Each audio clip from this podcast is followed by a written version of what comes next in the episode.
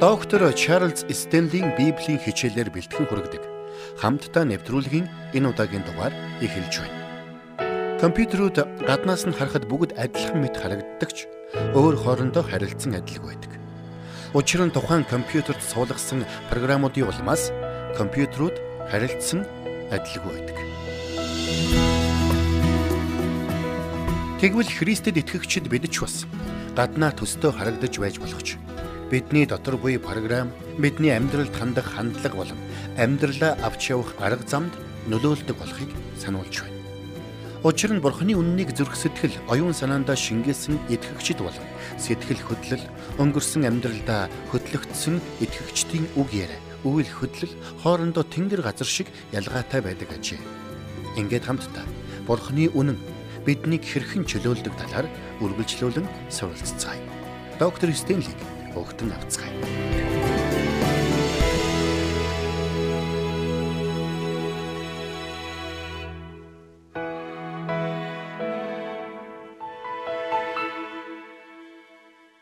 За ингээд хамтдаа Иохны 8 дугаар бүлгийг гаргаад уншицгаая. Бид үнэн таныг чөлөөлнө гэсэн цуврал хичээлийн хүрээнд явж байгаа. Христийн доторх бидний байр суурь болон бид Христийн дотор хинбэ гэдэг талаар үзэж байгааг та санаж байгаа. Тиймээс энэ цагийн эхэнд Иохны 8 дугаар бүлгийн 31 32-ыг дахин уншицгаая. Есүс өөрт нь итгэсэн евдээчүүдэд хэрв та нар үгэн дотор минь байвал үнэхээр миний дагалдагчд байна. Тэгээ та нар үннийг ойлгож, үнэн та нарыг чөлөөлнө гэв. Үнэхээр Бурхны үнэн биднийг хүлж буй аливаа сөрөг бодлууд, сөрөг хандлагууд болон муу зуршлуудаас чөлөөлж, Бурхны хүслийн дагуу хүн болон өөрчлөгдөхөд саад болдог аливаа бүхнээс ангижруулт юм. Харин үүний тулд бид Бурхны үг дотор бат зогсож тэр үгийг амьдралдаа хэрэгжүүлэх учиртай гэдгийг эзэн Есүс маш тодорхой хэлсэн байна. Тэгвэл бидний Бурхны хүслийн дагуу хүн болон өөрчлөгдөхөд юу саад болдог юм бэ? Энэ бол бидний дотор төрж байгаа өөрийгөө голох, өөрийгөө чамлах, өөрийгөө дорд үзэх мэдрэмжүүд юм. Өнөөдөр маш олон хүн ийм мэдрэмжэндээ автан амьдарсаар байна. Тэд өөрсдийгөө голж буруутгал, санаа зовнил, түгшүүр, стресс, дотоод зөрчил дүүрэн амьдралаар амьдарч байна. Үүнээсээ болоод тэд Бурхны хүүхэд болохын аз жаргал, баяр хөөргийг мэдэрч чадалгүй амьдарсаар амьдралаа барддаг юм. Харин ийм хүмүүст хандан эзэн Есүс хэлэхдээ та нар үннийг ойлгоорой. Үнэн та нарыг чөлөөлнө шүү гэсэн юм. Тэгвэл тэр бүх сөрөг бодол, сөрөг мэдрэмжүүдээс чөлөөлөгдөхийн тулд бид дараах гурван чухал үннийг ойлгох ёстой юм. Учир нь энэ гурван чухал үннийг ойлгосноор бид Бурхны хүслийн дагуу хүн болон өөрчлөгдөн шинжлэгдэж чадна. Юуны түрүүнд бид Христийн доторх өөрсдийн байр суурийг сайтар ойлгож ухаарах нь чухал гэдгийг бид авч үзсэн. Бид Есүс Христэд итгэх үед Бурхан бидэнд ариун сүнсөө өгсөн. Харин ариун сүнсний хүчээр бид Христтэй нэгдсэн. Тиймээс Христийн доторх бидний байр суурь бол Христтэй нэгдмэл байдал юм. Цаашилбал Библиэд бидний хэн гэж тодорхойлсон байдаг вэ? Биднийг ариун хүмүүс хэмээн тодорхойлсон юм. Энэ нь бидний дотор төрдөг мэдрэмжтэй огт холбоогүй юм. Бас бидний үйлдэлтэй ч мөн холбоотой биш. Эсвэргээр энэ бидний Христ доторх байр суурьтай холбоотой юм. Учир нь Христийн доторх байр суурийн улмаас Бурхан биднийг ариун хүмүүс хэмээн хардаг юм. Илч Паул Эфес номын 2 дугаар бүлгийн 10-т инх өгүүлсэн байдаг. Учир нь бид сайн үлсийн төлөө Христ Есүс дотор бүтээгдсэн. Түүний бүтээл мөн бидний эдгээрэн дотор яваасай гэж бурхан урдаас бэлтгэсэн билээ гэсэн байна. Есүс Христэд итгэх итгэлээр дамжуулан биднийг Есүс Христийн дотор бүтээсэн нэгэн бол бурхан өөрөө юм. Христэд итгэх итгэлээр бид одоо бурхан доторх шин бүтээлүүд болсон. Тэр л бурхан өнөөдөр биднийг Есүс Христтэй адил дүр төрхийн дагуу өөрчилсөөр байна. Тиймээс ч 1-р Коринтын 6-гийн 19-т Элч Паул та нарын бие болон бурхнаас та нарт буй доторч нь байдаг ариун сүнсний сүм хэмээн тодорхойлсон байдаг юм. Тэгвэл бид Есүс Христийн дотор хин бэ гэсэн асуулттай холбоотой гурван чухал зүйлийг өнөөдөр би та бүхэнтэй хуваалцахыг хүссэн юм. Хамтдаа эхлээд Эфес номоос харцгаая. Эфесийн 1-ийн 3-аас 4. Бидний эзэн Есүс Христийн эцэг бурхан магтагдах болтугай. Тэрээр Христ дор Тэнгэрлэг оршихуйд дах алив сүнслэг өрөөлөөр биднийг өрөөсөн юм. Түүний өмнө бидний хайр дор ариун бөгөөд гимзэмгүй байлгахын төлөө Бурхан ертөнцийн суурьаас урд биднийг Христ дотор сонгосон юм а. Энэ дэлж Паул биднийг сонгогдсон хүмүүс хэмээн тодорхойлсон байна. Тэгвэл бид Христийн дотор хин юм бэ? Та бид бол Христийн дотор сонгогдсон хүмүүс юм. Бурхан биднийг голсон биш, харин сонгосон гэдгээ хэлсэн байна. Учир нь биднийг Бурхан бол голдог, үл тоодог, чамладаг нэгэн биш. Харин тэр бол биднийг хайрлаж, биднийг сонгосон нэгэн юм. Тиймээс Иохны 3:17-д хэлэхдээ учир нь Бурхан ертөнцийг ялалахын тулд биш, харин түүгээр дамжуулан ертөнцийг аврахаар хүүгээ ертөнцид илгээсэн билээ хэмээн бичигдсэн байдаг. Харамсалтай нь бид ихэнхдээ Бурхныг биднээс алс хол байдаг, тэнгэрт заларсан, ууртай, хатуу сэтгэлтэй нэгэн мэтэр төсөөлдөг юм. Тэр бүхэл авралыг авч Бурханаас уучлал өршөөлийг хүртсэн хойноч бид Бурхны талаар ийм төсөөлтөй хിവэрэ явсаар байдаг. Учир нь Бурхны талаарх ийм ойлголт бидний бүр бага наснаас бидний дотор програмчлагдсан байдаг гэж би боддог. Тиймээс хэрвээ бид Гим нүгэл үлдээдэл байх юм бол Бурхан бидний нэрийг амийн номноос арилгachна гэж бид айдаг. Гэтэл Библиэд ийм юм огт бичигдээгүй гэдгийг бид ойлгох хэрэгтэй. Мэдээж Бурхан гим нүглийг шүүх болно. Тэр ёрын мууг шийтгэх болно. Гэхдээ Бурхан өөрт нь итгэж өөрийнх нь хүүхдүүд болсон бидэнд хизээш ингэж хандахгүй гэдгийг Библи бидэнд батлан хэлдэг юм. Тиймээс жилч Паул Ромын 8:1 дээр хэлэхдээ ийм дэдүгэ Христ Есүс дор байгаа хүмүүст ямар ч ял үгүй юм а гэж хэлсэн байна. Биднийг Есүс Христэд итгэсэн тэрл мөчөд ариун сүнс бидний дотор нутаглаж ариун сүнсээр бид Есүс Христ рүү баптизм хүртсэн. Тиймээс Есүс Христийн дотор бидний байр суурийг Бурхны ариун сүнс батлан хамгаалсан юм. Тиймээс Есүс Христийн дотор буй хөдлөшгүй байр суурийнхаа улмаас бид хизээч Бурхны ял шитгэлийг хүлээхгүй болсон юм. Үнэхээр бид Есүс Христийн дотор байгаа учраас бидэнд ямар ч ял үгүй. Яагаад тэр вэ? Яагаад гэвэл Бурхан таныг харахтаа Есүс Христийн зөвхт байдлаар уучлагдсан байгаагаар харддаг юм. Есүс Христийн загалмаа дээр урсгасан цус биднийг цэвэрлэн ариусгасан. Есүс Христийн зөвхт байдал биднийг хутсан учраас бид Бурханы өмнө ариун өөсөйгөө гим зэмгүй болсон юм. Мэдээж энэ нь бид гим нүгэл огт үлдэхгүй байна гэсэн үг биш. Энэ нь бидний үйлдсэн гим нүглийг Бурхан огт хэрэгсэхгүй гэсэн үг биш. Энэ дэлхий дээр амьдрах хугацаанд бид гим нүгэл үйлдэх болно. Бидний үйлдсэн гим нүгэл Бурхны зүрхийг шархлуулах болно. Гэхдээ би нэг зүйлийг хэлье. Бурхны сэтгэл яагаад шархалдаг вэ гэвэл гим нүглийн улмаас бид хэрхэн шаналж байгааг Бурхан мэддэг учраас юм. Гим нүглээс болоод бидний бүдэрч унж байгааг тэр хардаг учраас түүний зүрх шархалдаг юм. Бурхан бидэнд маш их ивэл өрөөлийг өгсөн атал бид гим нүглийн улмаас тэр бүхнийг нь хүрдэж чадахгүй төөрч бодлон явааг харахтаа түүний зүрх шаналдаг юм. Тэр бидний гимнүглийг харахтаа харуулсан гашууддаг болохоос биднийг буруутхан ялдаггүй юм шүү. Тиймээс ч тэр бидний шаналсан, эмтэрсэн, буруутгалд автсан зүрхийг тайтгаруулж би чамд хайртай хүмүн. Чи миний хувьд үнцэнтэй. Би чамд хамгийн сайныг хүсдэг. Тиймээс намайг сонс. Намайг дуулууртаа даг хэмээн хэлдэг юм. Гэтэл би дотроо би үнцэнгүй. Би бурхны ивэлийг хүртэх зохисгүй Бурхан намайг хизээч ивэхгүй. Би хүнд ч хэрэггүй гэсэн бодлуудыг тээсэр байх юм бол бид хизээч Бурханы бидэнд хүсдэг тэр жинхэнэ эрх чөлөө амар тайван баяр хөөргийг мэдэрч чадахгүй. Тиймээс Иохны 8:31-д Есүс хэрв та нар үгэн дотор минь байвал үнэхээр миний дагалдагчд байна гэж хэлсэн. Бид Бурханы үгэн дотор байна гэдэг нь бид оюун санаа зүрх сэтгэлээ Бурханы үгээр дүүргэн гэсэн үг юм. Бид Бурхны үгэнд бичигдсэн үннийг ойлгож зогсохгүй. Амьдралдаа хэрэгжүүлж оюун санаа зүрх сэтгэлдээ бялхтал шингэн гэсэн үг юм. Хэрвээ бид үүнийг хийж Бурхны үгийн дагуу бодол санаагаа шинчилж чадвал тэр цагт бид Бурхны болон өөрсдийнхөө талаар бодож буй тэр бүх алдаатай буруу бодлуудаасаа ангижран чөлөөлөгдөх болно. Тиймээс ч эзэн Есүс Иохны 15-ын 16-д ингэж хэлсэн байдаг. Та нар намайг сонгоогүй. Харин би та нарыг сонгосон та нарыг явж жимс гаргаж үр жимс нь үрд байгаасаа гэсэндэ би та нарыг томилсон. Ингэснээр нэрээр минь та нар эцгээс юу ч гуйсан.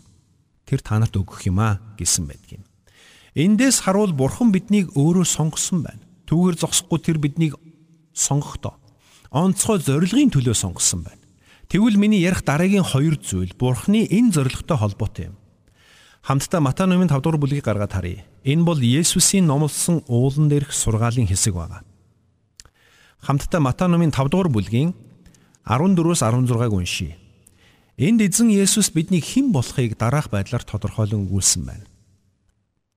Та нар ертөнцийн гэрэл мөн уулан дээрх хот нуугдж үл чадна. Хинч дэнлүү асаагаад савны дор тавьдаггүй. Харин дэнлүүний суурин дээр тавьдаг. Тэр нь герт байгаа бүгдэд гэрэл тусгадаг билээ. Хүмүүс та нарын сайн үйлсийг хараад Тэнгэр дэх эцгийг чинь алдаршуулахын тулд та нарын гэрэл тэдний өмнө тэнхүү гэрэлдэг. Энд эзэн Есүс бидний хингж тодорхойлсон байна вэ? Та нар ертөнцийн гэрэл мөн гэж хэлсэн байна. Ингээд хамтдаа Иохны 16-гийн 7-ыг нь харъя. Гэхдээ би та нарт үннийг хэлж байна. Миний явах нь та нарт дээр. Би явахгүй бол туслагч та нар дээр ирэхгүй. Харин би явбал түүнийг та нар дээр илгээнэ. Энд хэлсэнчлэн Есүс Христэд итгэвч хүмүүс бүрийн дотор туслагч буюу ариун сүнс нутаглах болсон. Тэр бол бидний ам. 1-р Иохны 5:12-т хэлэхдээ хүүтэй хүнд ам бий. Бурхны хүү байхгүй хүнд ам байхгүй гэж хэлсэн байна.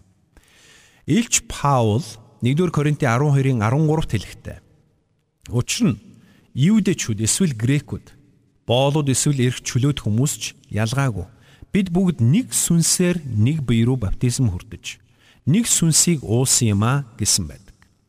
Харин Есүс Иохны 15-ын 4-дээр миний дотор байгаарай. Би та нарын дотор байна. Учир нь усан үзмийн модонд холбогдохгүй бол мөчөр өөрөөсөө жимс ургуулж чадахгүй адил. Та нар миний дотор байхгүй бол тийм байх болно гэсэн байдаг. Энэ бүх ишлүүдээс дүгнээд үзвэл бид Христийн дотор Христ бидний дотор байгаа учраас бид мөн хамтаа бид мөнхийн гэрэлтэй байх нь. Үүнхээр Есүс Христ энэ дэлхийг гэрэлтүүлэх гэрэл болон ирсэн. Түүнийг одох үед тэр гэрэлж бас одсон. Харин Пентекостийн өдөр буюу ариун сүнс итгэгчдийн дээрээс хүчтэйгээр бууж ирэх үед дахин тэр гэрэл дэлхийд даяар гэрэлтэх болсон. Амийн гэрэл болох Есүс Христ итгэвч хүн нэг бүрийн амьдралаас цацрах болсон. Тиймээс бурхан биднийг сонгосон цаана онцгой зоригтой гэдэг нь эргэлзээгүй юм. Тэгвэл тэр биднийг сонгосон нэг чухал зорилго нь биднийг энхүү түнэр харанхуй ертөнцид гэрэл болгохын тулд юм. Матан 5:14 дээр эзэн Есүс юу гэж хэлснийг дахин санацгаая. Та нар бол ертөнцийн гэрэл. Уулан дээрх хот нуугдж үл чадна гэж хэлсэн. Мөн цааш нь үргэлжлүүлээд хинч дэнлүү асаагаад савны дор тавьдаггүй штэ. Харин дэнлүүний суурин дээр тавьдаг. Тэр нь герт байгаа бүгдэд гэрэл тусгадаг юм а гэсэн байгаа. Эндээс үзвэл Есүс Христ биднийг энэ ертөнцийн гэрэл байгаасаа гэж хүсдэг болох нь тодорхой байна. Ингэхдээ тэр биднийг нууц итгэгчд байгаасаа гэж хүсдэггүй.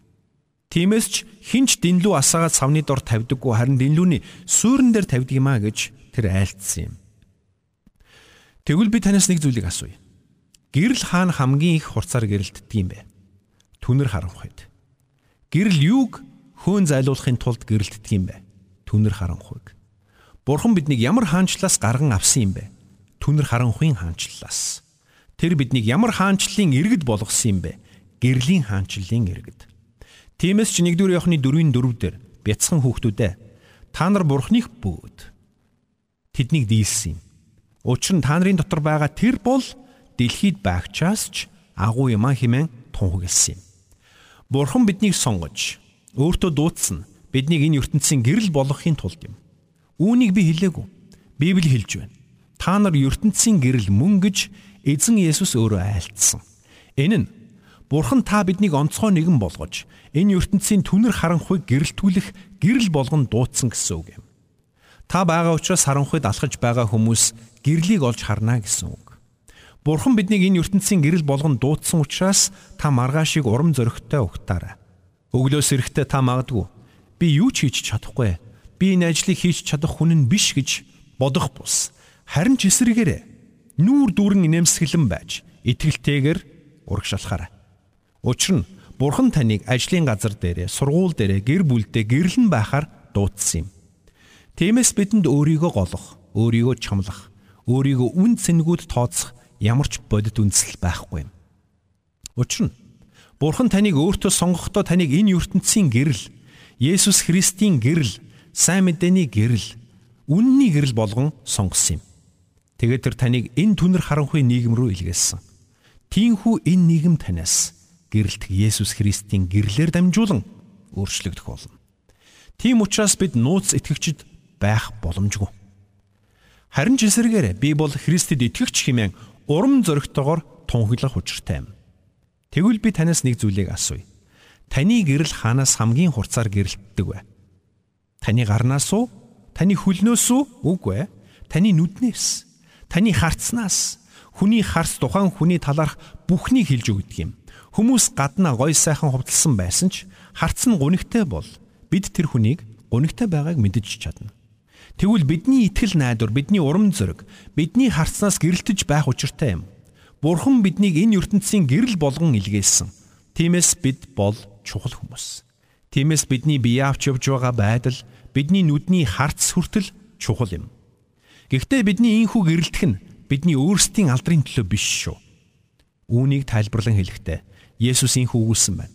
Матай 5:16 дээр хүмүүс та нарын сайн сайхан үйлсийг хараад Тэнгэр дэх эцгийгч нь алдаршуулахын тулд та нарын гэрэл гээгээ тэдний өмнө тэнхүү гэрэлтгэ гэж хэлсэн юм. Энэ нь хүмүүс бидний үйлсийг хараад Есүс Христ рүү татагддаг гэсэн үг. Тиймээс ч хүмүүс та нарын сайн үйлсийг хараад Тэнгэр дэх эцгийгч нь алдаршуулахын тулд та нарын гэрэл тэдний өмнө тэнхүү гэрэлтгэ гэж эзэн Есүс айлтсан юм шүү. Хэрвээ бидний амьдралаас гэрэлтэж буй гэрэл биднийг алдаршуулж байгаа бол хаа нэгтээ алдаа гарсан байна гэсэн үг. Учир нь энэ гэрэл биднийг биш харин Есүс Христийг алдаршуулж байх учиртай юм. Гэхдээ энд бид нэг зүйлийг ойлгох хэрэгтэй. Хэрвээ бид Бурхныг алдаршуулах гэрэл юм бол энэ гэрлийг тэтгэх эрчим хүч хизээж тасрахгүй юм. Учир нь тэр эрчим хүчийг үйлдвэрлэх цахилгаан станц таны дотор бий. Тиймээс энэ дэлхий ямар ч салхи шуурга таныг тэтгэж буй эрчим хүчийг тасалдуулж чадахгүй. Тэр эрчим хүч үргэлж таны дотор байх болно. Харин та гимнүгэл үлдэж Бурхны өмнө дуулуургүй байх юм бол таны гэрэл бүдгэрэх болно. Гэсэн хэдий ч тэр гэрэл хизээж бөхөхгүй ассаар байх болно. Учир нь Бурхан таныг энэ ертөнцийн гэрэл болгон сонгосон юм. Хамтдаа Матай 5:13-ыг харцгаая. Та нар газрын давс. Хэрв давс амтаа алдвал хэрхэн буцааж давслаг болох вэ? Энэ нь гадагш хаягдж хүмүүсийн хулдар гიშгдэхээс өөр юунд ч хэрэг болохгүй гэсэн ба. Энд бурхан бидний газрын давс хэмээн тодорхойлсон байна. Бид хаа явсан газартаа бурханаас бидэнд өгсөн тэрхүү онцгой амтыг түгээж байх учиртай байх нь. Зарим хүмүүс Христэд итгэжтийг нийгмийн амьдралд идэвхтэй оролцох шаардлагагүй. Нийгмийн амьдралтай хутгалдах ёсгүй гэж үздэг. Гэвч тийм биш болохыг бид эндээс харж байна. Харин ч бид нийгмийн амьдралд идэвхтэй оролцож энэ нийгэм дунд давс мэт байж энэ нийгмийн амтыг өөрчлөх учиртай байх нь. Dwight Moody, Ruben Torrey, Ira Sankey, Charles Fanny, Jonathan Edwards, George Whitefield гих мэт олон бурханлаг хүмүүсийг бид дурдж болно. Тэд Америкийн түүхийн хар бараан өдрүүдэд гим нүгэл, ёс бус байдал, садар самуун явдал, газар авсан тэр цаг үед бурханд үйлчилж Есүс Христийн сайн мэдээг зоригтойгоор тунхаглаж байсан.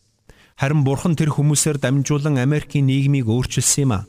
Тэд Америкийн нийгмийг давс мэт амталсан. Гэвч явцын дунд Христэд итгэж бидний шорог байдал аажмаар суларсаар байгааг бид харж байна. Хэрвээ өнөөдөр та Христэд итгэж бус хүмүүсийн дунд ажиллаж амьдарч байгаа бол тэднийг бүүшүүгээрэй. Харин өөрийгөө тэр хүмүүсийн дунд байгаа давс гэдгийг санаарай.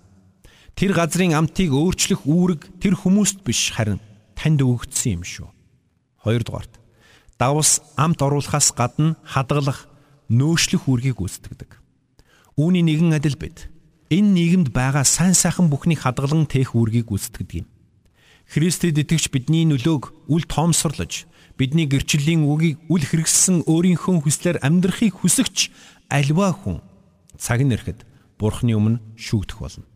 Харин тэр хүртэл бид энэ дэлхий дээр сайн сайхныг түгэж Христийн сайн мэдээг тунхагласаар байх учиртай юм. Учир нь Бурхан биднийг амар хялбар амьдралын төлөө дуудаагүй юм харин хүрээлэн буй нийгэмдээ гэрэл давс байлгахын тулд дуудсан юм. Цаашилбал давсан шархыг ариутгах нь цэвэрлэх нөлөөтэй байдаг. Үүний нэгэн адил бид ч бас энэ дэлхийн ертөнцид ариутгал, эдгэрлийг авчрах үүрэгтэй хүмүүс юм. Есүс Христийн сайн мэдээгээр дамжуулан бид үүнийг хийх учиртай. Бурхан эцэг гим нүгэлд автаж цөхрөнгөө барсан ёрим уу энэ дэлхийн ертөнцийг харахтаа өрөвдөн хайрлаж цорын ганц хүүгээ илгээсэн юм. Тинхүү Есүс Христээр дамжуулан бид Бурхантай эвлэрч, уучлагдж, цагаатгагдж, ариусгагдж, зөвтгөгдөж, алдаршуулагдсан юм. Тинхүү бид Бурхны хүслийн дагуу хүмүүс болон өөрчлөгдөх боломжтой болсон юм. Та бодод үзээрэй. Бид өөрсдийгөө голж, өөрсдийгөө чамлаж, өөрсдийгөө хинч биш гэж бодож байхад харин Бурхан биднийг дуудаад чи ертөнцийн гэрэл, чи бол газрын давс гэж хэлсэн.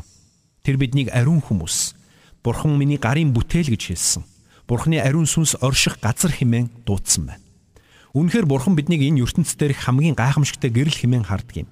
Хэрвээ Бурхан бидний хэрхэн хардагчлан бид өөрсдийгөө тийхүү харж эхлэх юм бол тэр цагт бидний хүлж байсан хүлээс тасран унаад зогсохгүй. Та үгээр илэрхийлэхийн аргагүй гайхамшигтай баяр хөөр аз жаргал амар тайв сэтгэл хангалуун байдлыг мэдрэх болно. Өнөөдөр би танд сайн мэдээний үннийг хуваалцлаа. Харин та энэ үннийг амен хэмээн хүлээн авч байна уу? Бурхан үнэхээр таныг хайрлаж таныг сонгосон байна. Тэр таныг энэ түнэр харанхуй ертөнцид гэрэл болгон гийгээсэ гэж илгээсэн юм. Тэр таныг санаа зовнил, сэтгэл гутрал, айдас түгшүүрээр дүүрэн энэ дэлхийн ертөнцид амт оруулж, сайн сайхныг хадгалж, өвчнийг эдгээлэхээр газрын давс болгон илгээсэн юм. Бодит байдал ийм байхад та өөрийгөө дорд үзсээр, чамлсаар үн цэнгүү гэж тооцсоор байх уу? Ариун сүнс таны дотор нутаглаж танд хүчийг өгсөөр байтал та өөрийгөө би чадахгүй хэмээн голсоор байх уу? Бурхан таныг сонгож таныг ертөнцийн гэрэл газрын давс хэмээн дуудсан байхад танд өөрийгөө дорд үзэх ямар ч шалтгаан байхгүй юм шүү. Харин ч бид энэ итгэл үнэмшлээ бусдад дамжуулах учиртай.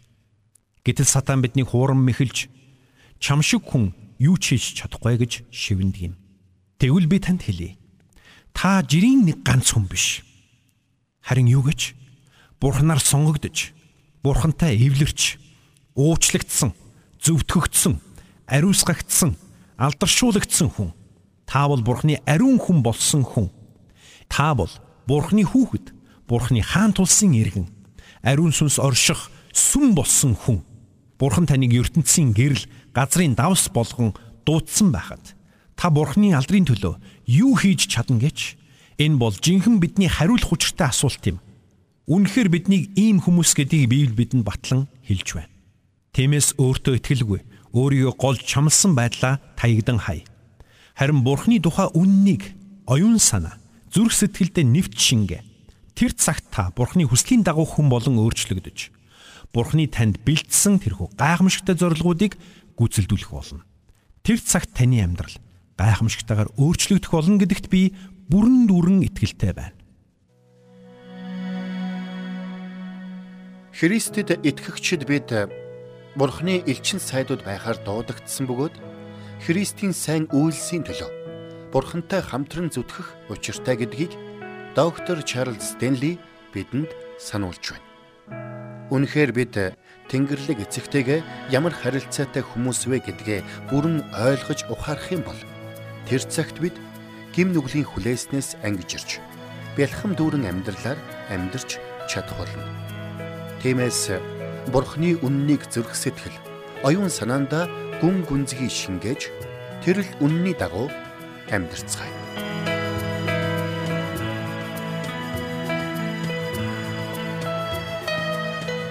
Бурханд тэмүүлсэн сэтгэл хүмүүсийг энэрх зөрхөөр амьдрахад туслах номлогч доктор Чарлз Стенлигийн хамттай нэвтрүүлэг сонсогч танд хүрлээ. Нэвтрүүлгийг дахин сонсохыг хүсвэл ихтгэл радиоцик.com-оор зочлоорой.